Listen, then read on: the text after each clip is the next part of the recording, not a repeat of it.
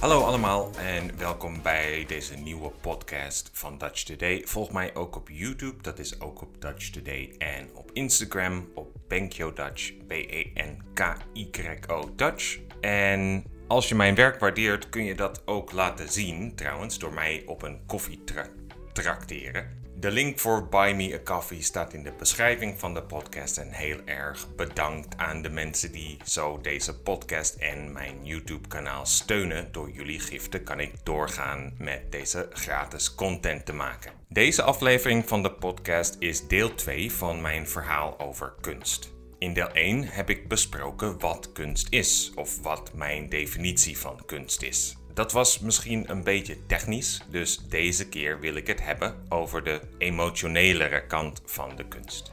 Hoe je van kunst kunt genieten. Ik hoor vaak uh, van mensen dat dat moeilijk voor ze is omdat ze niet helemaal weten hoe ze kunnen genieten van kunst. Want als we muziek horen, dan weten we, zeker na een paar keer luisteren, of we het leuk vinden of niet. Wat we erbij voelen. Bij films hetzelfde. We kunnen na de film vaak zeggen of we het een goede film vonden of een slechte en waarom. We kijken vanaf onze kindertijd naar films en luisteren vanaf onze kindertijd naar muziek. We zijn gewend aan de taal van muziek, de taal van film. We weten hoe iets moet klinken, hoe iets eruit moet zien. Ik denk dat je smaak werkt als een spier. Hoe meer je naar de sportschool gaat, hoe sterker je wordt. Hoe meer je naar muziek luistert, hoe meer nieuwe dingen je leert waarderen. Het is natuurlijk wel belangrijk dat je in de sportschool altijd iets zwaarder gaat trainen. En met muziek en films is het hetzelfde. Als je altijd naar dezelfde muziek of dezelfde films luistert of kijkt, dan verandert je smaak ook niet. Je moet je comfortzone opzoeken en die beetje bij beetje testen en verleggen. Dat is net zo belangrijk voor kunst maar we komen niet met kunst in aanraking, zoals met muziek en film. Onze ouders proberen het vaak wel wanneer we jong zijn. Dan nemen ze ons op vakantie mee naar musea en exposities. Dat is een leuk idee, maar onze ouders hebben vaak geen echt systeem voor hoe ze dingen aan ons introduceren. Ze nemen ons mee naar exposities die zij zelf interessant vinden en wij kinderen vinden het saai. We gaan vervelend doen of huilen en dan willen onze ouders niet meer met ons naar musea. Het is beter om te beginnen binnen de comfortzone van het kind. Wat vindt het mooi? Ga daar naar kijken. En dit geldt net zo goed voor volwassenen. Als je niet weet of je kunst interessant vindt, begin op een plek waar de drempel laag ligt. Een MOCO bijvoorbeeld, waar je werken van Banksy kunt zien. Eh, dat ligt voor iedereen binnen de comfortzone. Het Museum voor Straatkunst in Amsterdam Noord is ook een goed voorbeeld. Het is toegankelijk, voor iedereen leuk. En praat dan eens met vrienden of familie over wat je er exact leuk aan vond. Of praat met het kind over wat het er leuk aan vond. Waren het de mooie kleuren, het thema, waren de werken grappig? Zoek dan een volgende expositie die hierop aansluit, die ook erg kleurig is of ook over straatkunst gaat. En zoek een paar kunstenaars op op Google om meer werken van ze te zien. Lees iets over wat hun interesses zijn en over waarom ze kunst maken. Zo kun je beetje bij beetje de grenzen verleggen. De grenzen van je kind of van het kind in jou. Wanneer we jong zijn, vinden we kunst vaak mooi omdat deze moeilijk is om te maken. Dat was bij mij hetzelfde. Ik was vroeger alleen geïnteresseerd in oude kunst. Dat was echte kunst voor mij, schilderijen en tekeningen waarvoor de kunstenaar een goede techniek moest hebben. Ik zie dit ook bij vrienden die jong zijn gebleven op het gebied van kunst. Daarmee bedoel ik vrienden die nooit uit hun comfortzone zijn gestapt. Dat is ook niet noodzakelijk, maar misschien missen ze daardoor een plezier dat een extra dimensie in hun leven zou kunnen brengen. Waarom? Ik denk dat dit werkt zoals wiskunde voor mij werkte. Ik kan heel slecht rekenen. Ik was er op school al heel slecht in en begreep niet waarom ik formules moest leren. Ik gebruikte het niet in mijn leven buiten school, dacht ik. Dus het was zonde van mijn tijd. Later, toen ik zelf docent werd, leerde ik dat het toch wel goed was om ook dit te trainen. Je traint met wiskunde je brein om abstract te denken. En je brein is ook een spier. Je gebruikt de formules die je op school leert misschien niet direct in je verdere leven. Je gebruikt deze training van je brein wel om alledaagse problemen op te lossen. Ik geloof dat dit hetzelfde is met kunst. Misschien gebruik je wat je ziet en leert in een museum niet direct, maar je traint je brein en er zal een moment komen dat dit je misschien helpt om een probleem op te lossen of om iets beter te begrijpen. Iets heel praktisch, op je werk of in de familie bijvoorbeeld. We kunnen niet helemaal zeggen wanneer welk stukje van je intellectuele training goed uitkomt, wanneer het nuttig is, maar dat kunst kijken nutteloos is, dat is niet waar. En als je dan kunst kijkt, waar moet je op letten? Laten we beginnen bij misschien het moeilijkste stukje kunst: performances. Toen ik in Tokio woonde, deed ik vaak performances. Performances zijn een beetje uh, ontoegankelijk vaak. Het is soms ook erg vage kunst. Het is onduidelijk voor veel kijkers wat de kunstenaar met de acties die hij of zij doet wil zeggen. En dan voel je als kijker: heb ik correct kunnen interpreteren wat de kunstenaar wil zeggen? Dan voelen we ons alsof we onze tijd verdaan hebben. Als het luisteren naar een grap waarvan we de punchline niet begrijpen. Of een moordmysterie waar we er niet achter komen wie de moordenaar was. Maar vaak werkt het voor de kunstenaar zelf niet op die manier. Vaak wil de kunstenaar met een performance een indruk geven, een idee, een beeld en het publiek zelf laten bepalen wat ze daarover voelen of denken. Dan is er geen fout idee of fout antwoord. Voor mijn performances had ik een karakter bedacht. Dit was een goochelaar die niet echt kan goochelen. En goochelen is eh, magische trucjes doen als een konijn uit een hoge hoed trekken of de assistenten door midden zagen ik liet mensen uit het publiek mij assisteren door ze te laten dansen of muziek maken of iets voor me vast laten houden dat ik dan vergat of negeerde. Het waren absurdistische performances en ik had twee verschillende reacties van vrienden die geen interesse hadden in kunst.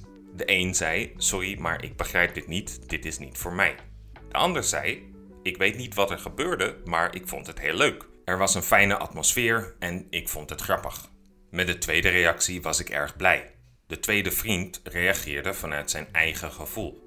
Hij was niet te veel gefocust op wat ik misschien wilde zeggen, hij was gefocust op zijn eigen ervaring en interactie met het werk. Dat was voor mij de best mogelijke reactie. Als kunstenaar wilde ik iets doen dat ik zelf leuk vond, dat een positieve vibe aan het publiek af zou geven. Wat de betekenis van verschillende symbolen is, is niet zo belangrijk. Vaak werken kunstenaars ook vanuit hun onderbewuste. Ze zien iets in hun hoofd als in een droom en weten niet waar het vandaan komt, maar het voelt goed of het is mooi en dat is reden genoeg om het te maken. Daar mag het publiek haar eigen reactie op hebben. Ik was eerder deze week bij een performance van een kunstenaar uit Israël en de performance was niet heel goed in mijn ogen, maar het gaf me toch iets. De kunstenaar vertelde een verhaal over zijn jeugd en het bracht gedachten en beelden bij mij op die mooi waren. Er gebeurde iets nieuws in mijn brein dat gestart was door de performance. Het niet, was niet wat de kunstenaar bedoelde of wilde, maar het was mooi. En misschien is dat de rol van kunst dat het ons kan raken en ons iets geven, maar vaak willen we alleen dat ervaren wat we verwachten.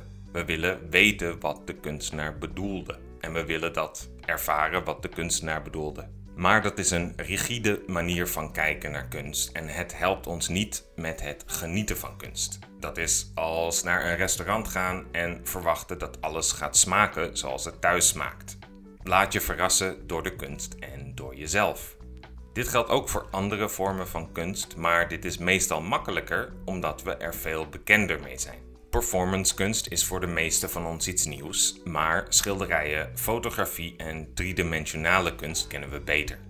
Daarom heeft ons brein sneller een reactie op deze vormen van kunst wanneer we ze zien. Ze passen binnen het beeld eh, dat we van kunst hebben. Maar ook hier kan onze smaak veranderen en groeien. Wanneer we voor het eerst naar kunst kijken, zien we alleen de techniek, en hoe die relateert aan de realiteit. Lijkt het echt? Uh, is het mooi gemaakt? Hoe moeilijk was het om iets te maken? We hebben minder aandacht voor de expressie, de emotie achter de kunst. Als het niet moeilijk is, vinden we het vaak niet mooi. Zo was ik ook met muziek. Toen ik jong was, speelde ik gitaar en moest alle muziek waar ik naar luisterde moeilijk zijn om te spelen. Anders had ik er geen respect voor. Maar wat is muziek? Muziek is geluid. En dat geluid moet je goed doen voelen. En dan is het niet belangrijk hoe dat geluid gemaakt is. Dat we dat wel denken, heeft denk ik te maken met een onzekerheid die we voelen. Misschien omdat we bang zijn iets te missen, iets dat beter is. We willen het beste hebben omdat dit ons veiliger doet voelen en ons meer status geeft. Als jij gratis uit eten mag, ehm, dan wil niemand naar de McDonald's als daarnaast een drie-sterren restaurant is. En dat is hetzelfde met uh, kunst, denk ik. Uh, een interessant verhaal over het realisme in de kunst komt van de oude Grieken. Zij waren meesters in het maken van realistische sculpturen.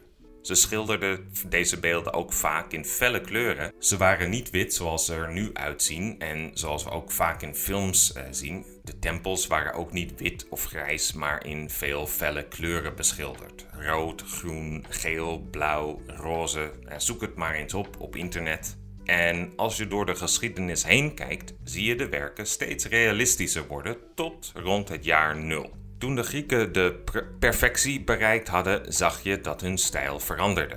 Ze maakten hun sculpturen minder realistisch. De spieren van de mannen werden groter, de heupen van de vrouwen werden ronder, de emotionele expressies werden extremer. De Grieken realiseerden zich dat we niet op zoek zijn naar realisme in de kunst. Puur realisme is niet zo interessant. Dat is een foto, een trucje.